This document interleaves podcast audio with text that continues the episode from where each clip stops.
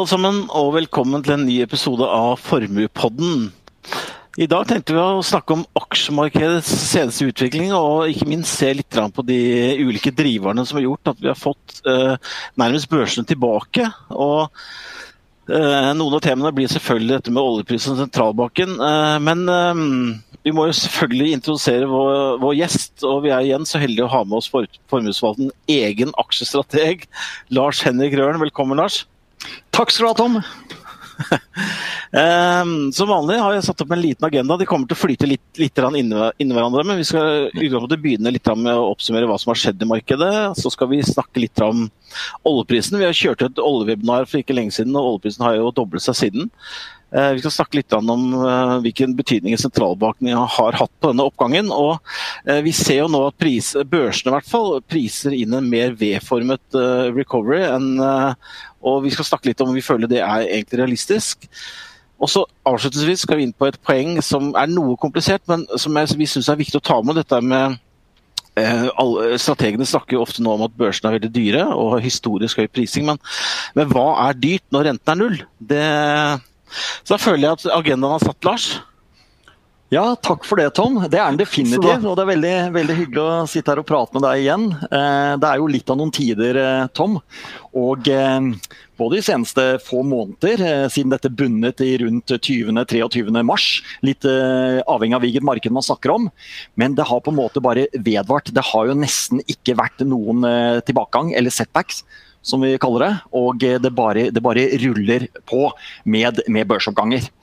Og for å ta liksom noe som har skjedd på det helt seneste nå, i slutten av mai så fikk vi jo også denne her en såkalt sektor- eller faktorrotasjon. Ved at markedene ikke bare fokuserte på disse vekstaksjene lenger, men også verdiaksjene.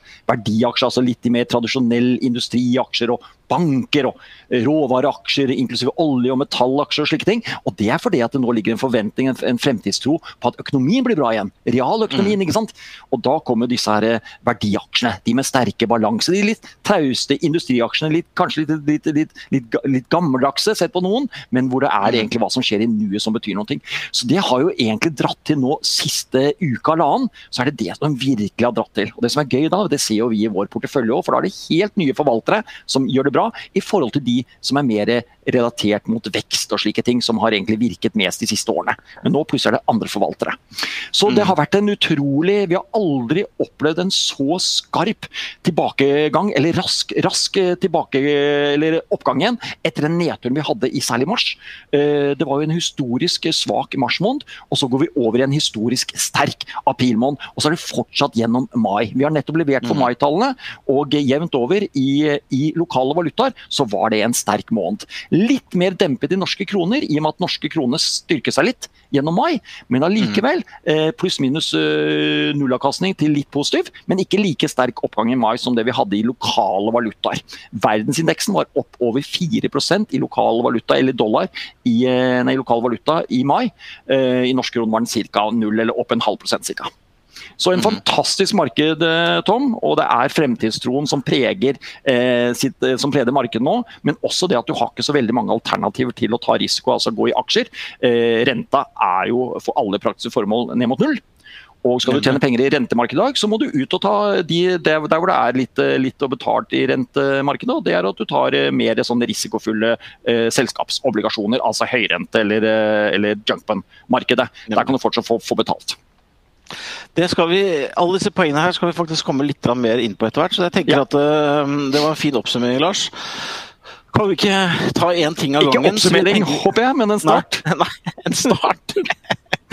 Så tenker jeg at, jeg tenker at vi, vi hopper inn i, det, i en av de favorittemaene våre begge to, egentlig, Lars. Eh, dette her med oljepris. og Vi har jo hatt ja. et eget webinar om det. og da, Det var som du sa at eh, den gangen at eh, Tom, jeg husker du stakk huet nesten gjennom skjermen her, Lars, og sa at men det er ingen tvil om at oljeprisen skal opp, husker jeg du sa. Ja. Og, det, der, og det gikk kanskje en del fortere enn vi skulle tro, men det har jo nærmest dobla seg siden vi snakket sist. Hva er det som har skjedd der ute, Lars? Ja, ehm, vi vet, altså, gå tilbake til det Vi sa Vi sa at på sikt, vi vet ikke alltid når, men vi vet at når oljeprisen ligger på 20-tallet, så vet vi at det ikke er bærekraftig. Vi så at, eh, altså Bærekraftig, da mener jeg at vi kan ikke opprettholde den nødvendige produksjonen. Og Dette begynte å bli ganske dramatisk også på kort sikt, i og med at man begynte å lukke ned også den, den produksjonen som er veldig avgjørende for å tilfredsstille etterspørselen på kort sikt. altså Den amerikanske shale-oljen, som er, man veldig raskt kan ta på av, den stupte jo i volumer.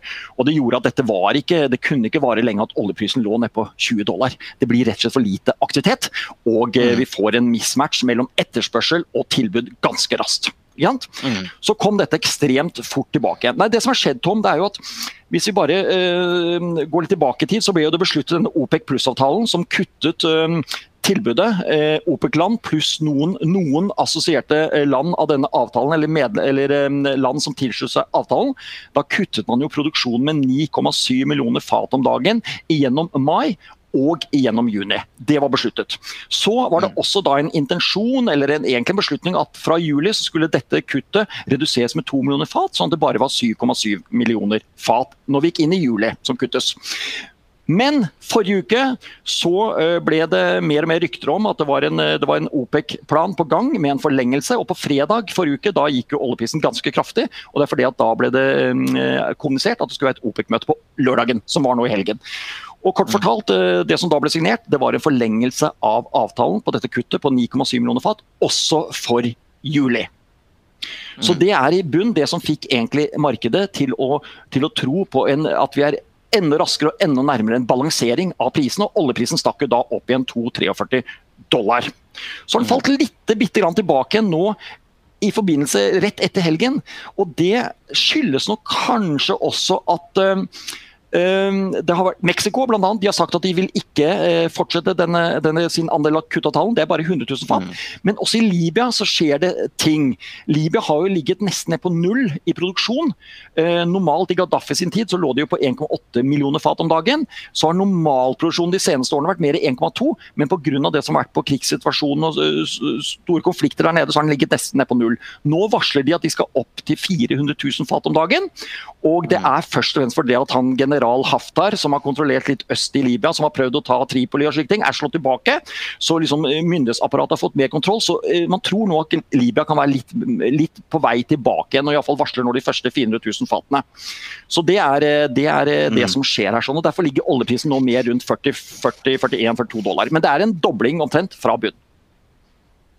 Jeg så også at uh, han uh, kronprinsen i Saudi-Arabia, bin Salman, uh, kommuniserte at de har jo ytterligere kuttet på toppen av de, de 9,7, har vel de kuttet nesten 2 millioner fat på toppen av det også? Eller 1,7, husker ikke akkurat. Hvor han ja, kommuniserte nå i helgen at de ville slutte, slutte med det, det ekstraordinære kuttet ved siden av. Så det bidrar også litt til å dempe noe av oppgangen her. Ja, det er noe interessant her. For det har også eh, de arabiske emirater eh, de har også hatt et ekstra kutt.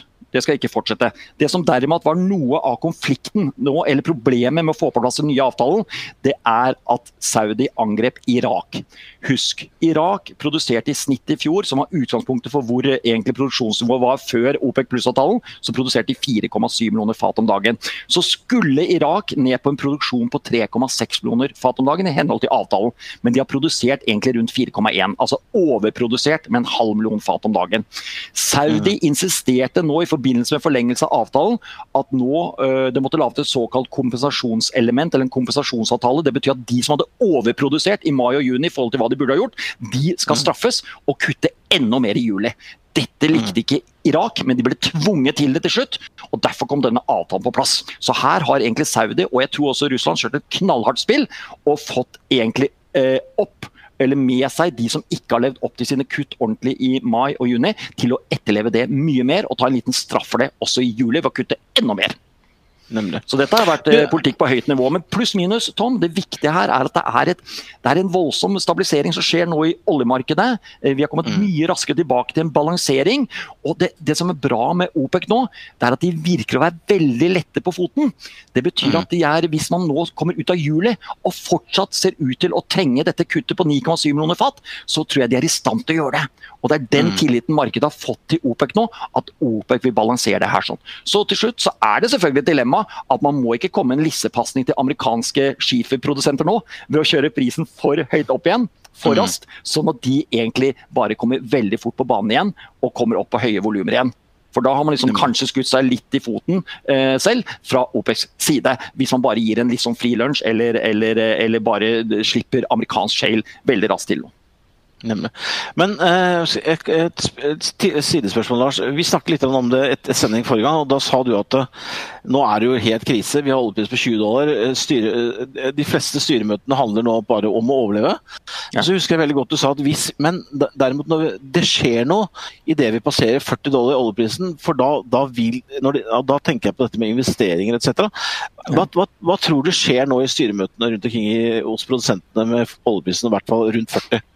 Nei, Det er det vi sier her. at det er, eh, det er en forlengelse av hva jeg sa. At det er forskjell på 20, det er for lavt. Det er ikke bærekraftig økonomisk. På 40 så skjer det noe. Der er de beste feltene og de beste områdene, regionen Nordsjøen som sådan, som helhet, er lønnsom på 40 dollar. Mm. Det var en gang mm. den skulle opp og ha 60-70-80 dollar, men 40 dollar nå er tilfredsstillende. Og Når vi skille på lønnsomt mellom hva er bedriftsøkonomisk, altså det er med avskriving og slike ting, det gjelder jo liksom mm. i det lange løp, men rent kortsiktig for å starte aktivitet eller opprettholde aktivitet, så er 40 dollar langt over hva man trenger. Så dette her er, nå har vi gått fra i løpet av to måneder fra altfor lav til å ha en pris som faktisk nå trigger, eller at det, at det, åpner opp for investeringsbeslutninger igjen. Og Dette blir jo spennende å se nå i Norge, f.eks. Etter, det, det, etter den, det skattevedtaket eh, mm. og oljeskapene som ble besluttet av et relativt bredt forlik på Stortinget i går. Det var vel bare Rødt, MDG eh, som sto utenfor, og SV så vidt jeg husker, som sto utenfor. Resten var dette et bredt forslag. Så dette var egentlig, Nå er, ligger ballen hos oljeselskapene operatørene. Nå må de mm. starte utbygginger av en del felt de hadde lagt litt på is pga. lave oljepriser. Nå har de fått en håndsrekning, så nå tar de den. Så på 40 dollar pluss, pluss den stimuleringspakken for Norges del på skatten, så skal dette være bra. Men globalt sett så vil vi nok se innenfor ganske få uker at denne, denne med færre rigger i USA f.eks., den vil flate helt ut og kanskje begynne å stige litt mm. igjen. Vi er jo nesten ned mot, mot historisk lave nivåer når det gjelder antall rigger i aktivitet i USA. Nede rundt ca. 200 rigger. På det laveste mm. har det vært ned 170-180 tidligere. Men dette kommer jo fra 600-700 rigger, eller endog 1000 rigger som var i mm. Mm. operasjon. Nå er vi nede rundt 200. Så dette kommer til å komme i gang igjen. Så nå er det et dilemma her. Hvor, hvor høy skal prisen gå før det egentlig at det plutselig blir for mye olje igjen på tilbudssiden, og prisen kommer ned. Nemlig. Veldig bra. Vi skal tusje litt videre og snakke ja. litt om øh, øh, kanskje mye av hovedgrunnen til at øh, vi har sett denne oppgangen, er jo sentralbankene rundt omkring i verden som nærmest fikk panikk, inkludert Oslo Børs, nei, Oslo Børs, Norges Bank, hvor de satte renten veldig veldig fort ned i, i null. og kan ikke vi snakke litt om hvilken påvirkning dette har på markedet, Lars? Jo, det er jo helt fascinerende, Tom, dette her med rente i null. Altså, Rente i null, hva betyr det? Jo, det betyr prisen av, egentlig, prisen av penger er null. Enten du setter inn på et innskudd, eller du skal finansiere deg med noe. Og du kan tenke deg at renta, hvor er det helt sentralt hen? Jo, det er jo det er grunnleggende sentralt for prisingen av en aksje når det gjelder å diskontere, altså de, de, diskontere finne nåtidsverdien av en fremtidig pengestrøm. Ikke sant? Mm det er det som ligger til grunn. Og det er klart Når du kjører når diskonteringsfaktoren, eller størrelsen på diskonteringsrenten går ned, når risikofri rente går ned, hvis du har liksom et, et, et, uendret risikopåslag, så vil jo diskonteringsfaktorene ned. Og Det betyr i prinsippet da at bare verdien av den diskonterte pengestrømmen øker og øker og øker etter hvert som du tar renta ned og ned og ned. Og Går den mot null, mm. rett og slett at diskonteringsfaktoren går mot null, så går egentlig diskonteringsverdien av noe opp mot uendelig. Du kan også tenke deg selv Tom, at hvis du kjøper en, en leilighet, eller du låner 5 millioner eller 10 millioner kroner til noe huskjøp eller leilighetskjøp, hvis det først koster nesten null å låne, så er det jo strengt tatt egentlig strengt tatt det samme rent sånn pengestrømsmessig for deg om du låner 10 millioner kroner eller 5 millioner kroner. Det er minimalt mm. mer det koster.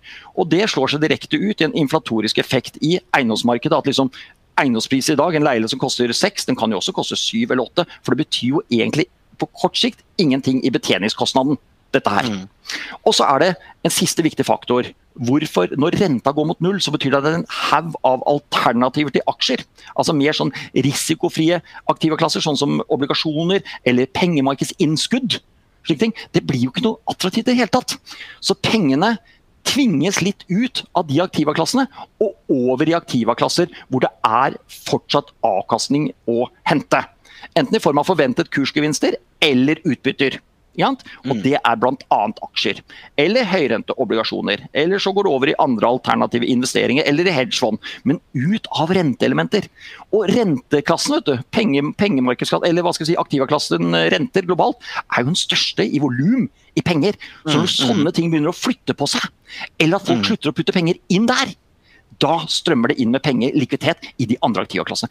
Det er det vi ser nå i aksjer. Det er rett og slett en likviditetsdrevet oppgang, bl.a. Kombinert med at det er stor optimisme som ikke var der for to måneder siden. Jeg tror, jeg tror det er et veldig viktig poeng. Og dette stopper ikke nødvendigvis på kort sikt. Nei, og, og, men la oss snakke litt om, eh, om alternativer. Som, la oss, ja. som vi snakket om, hvis, du, hvis, du for eksempel, hvis man da driver et pensjonsfond eller et cetera, hvor, hvor, man på en måte har et slags avkastningskrav hvor du skal levere kanskje 2-3 til kundene, men, men renten er null. Hva er alternativene da, Lars, hvis du ikke skal inn i aksjemarkedet? Hva, hvilke, hvilke muligheter har man?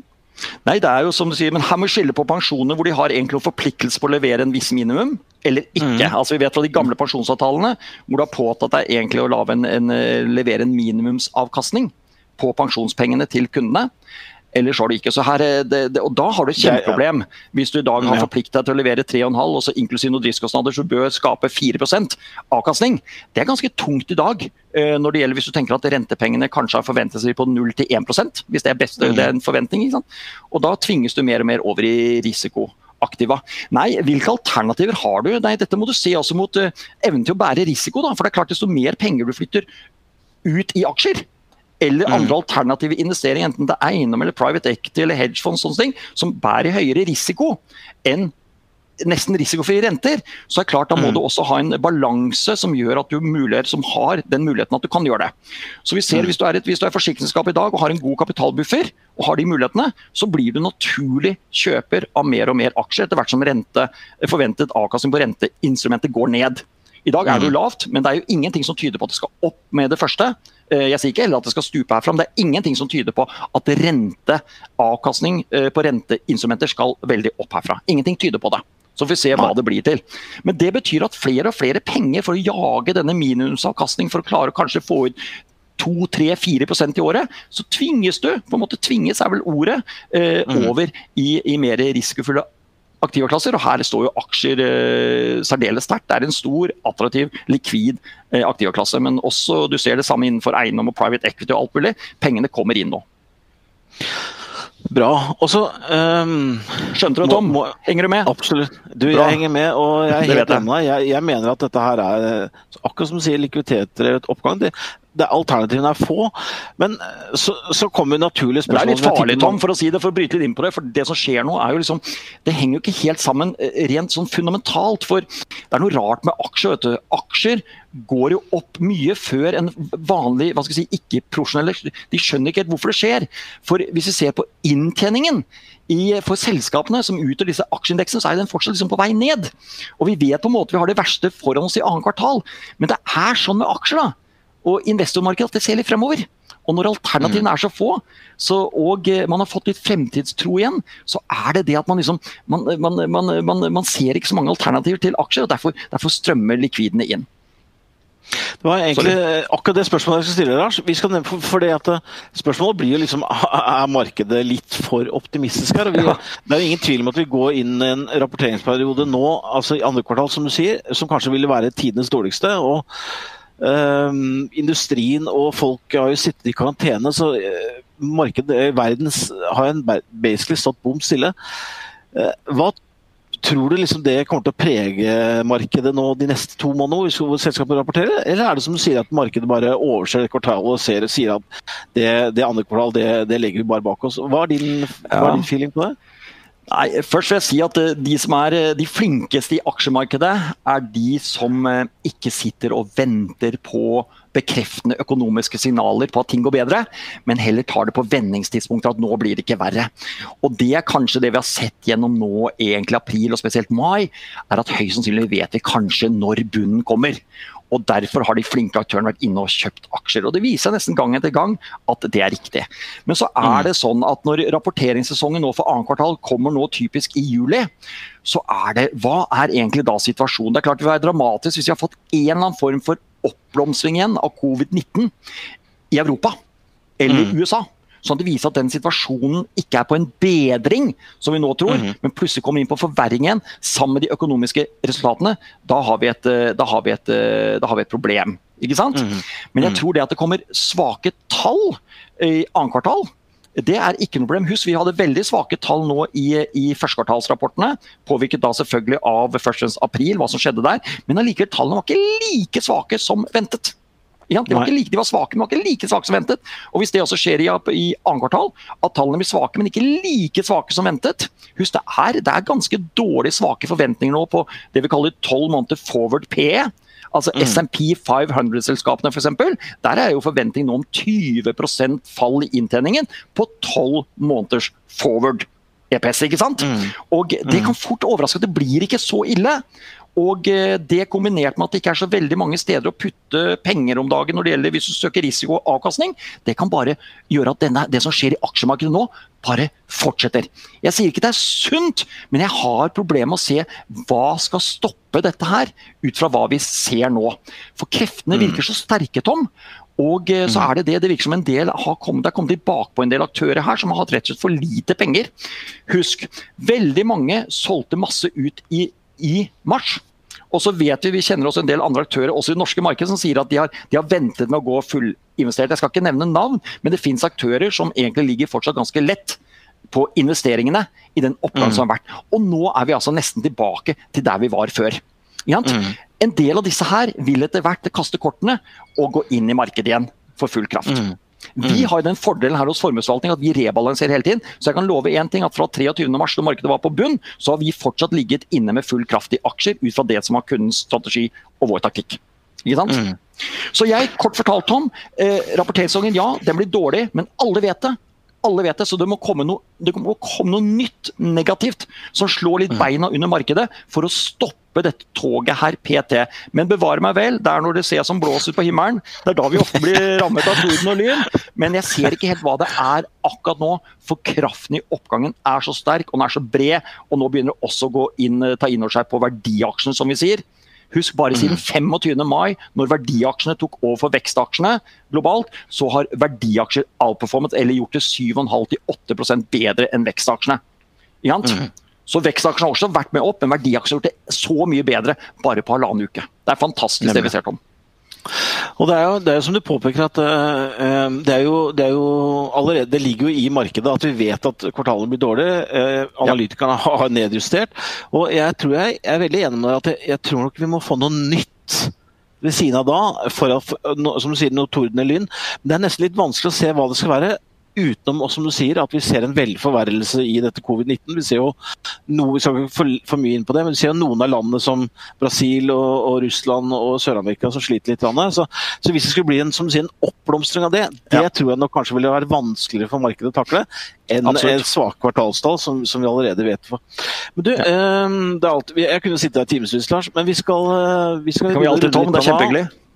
og så skal vi snakke litt om jeg skal, skal Som et avslutningspunkt skal vi snakke litt om dette her med Jeg i hvert fall, som sitter og følger tett på aksjemarkedet, ser jo veldig mye, ser, ser jo mange av disse strategene nå som eller, La oss bruke verdistrategene som hele tiden snakker å nå er det så høyt priset, det er historisk høyt priset, eh, det er så dyrt og børsene er så dyre. Men Ja, jeg men synes det er med referanse til renter, er som sagt. snakket når kan du si at noe er dyrt? Ja, kan ikke vi snakke litt om det? Hva er dyrt? Hva er høy Ja. PN og rente er null? Ja, men For ikke sant? Si dette her, da. Eh, Hvis du sier, eh, Tom, at hvis, hvis, altern, hvis rentefritt Hvis du sier at det er bortimot null, så sier vi at historisk så har du fått en risikopåslag ved å være i aksjer på ca. 4-4,5 ikke sant? Så betyr Da forventer du å få, når renta er null, så sier ok, da vil jeg ha rundt 4-4,5% avkastning i aksjer. Så tar vi den, Hva betyr 4-4,5 i P-nivåer? Price earnings-nivåer for markedet. Eh, det blir universet til det her, sånn, så det blir rundt PE 26-27. Så da kan markedet koste 6-27 ganger forventet inntjening. Og der er vi ikke. Nei, Der er vi ikke, sant? Så jeg tror du kan bare snakke om et marked er dyrt eller billig. Så må du ha et forhold til hvor renta er, og hvor den skal. Mm. Så hvis renta skal fortsette å være ned mot null, så vil jeg si at aksjemarkedet er ikke dyrt. Ja? Nemlig. Og det er, så Jeg, jeg forstår det er, det er Jeg syns det er litt for mange som bruker ordet dyrt, litt uvørent, og uten å sette det i en kontekst som sier dyrt i forhold til hva. Og Det mest relevante er å si dyrt i forhold til en rente. Så Du kan bare bruke ordet dyrt. Det er Hvis du for tror at renta skal opp i 4% fort og slike ting, da er det dyrt. Ja? Mm. Men det er det ingenting som tyder på nå. Jeg vil minne på den største 30-åringen utsatt i verden, det er den amerikanske 30-åringen, ligger vel priset på 1,7% er det det? Cirka, ligger 30-åringen i USA.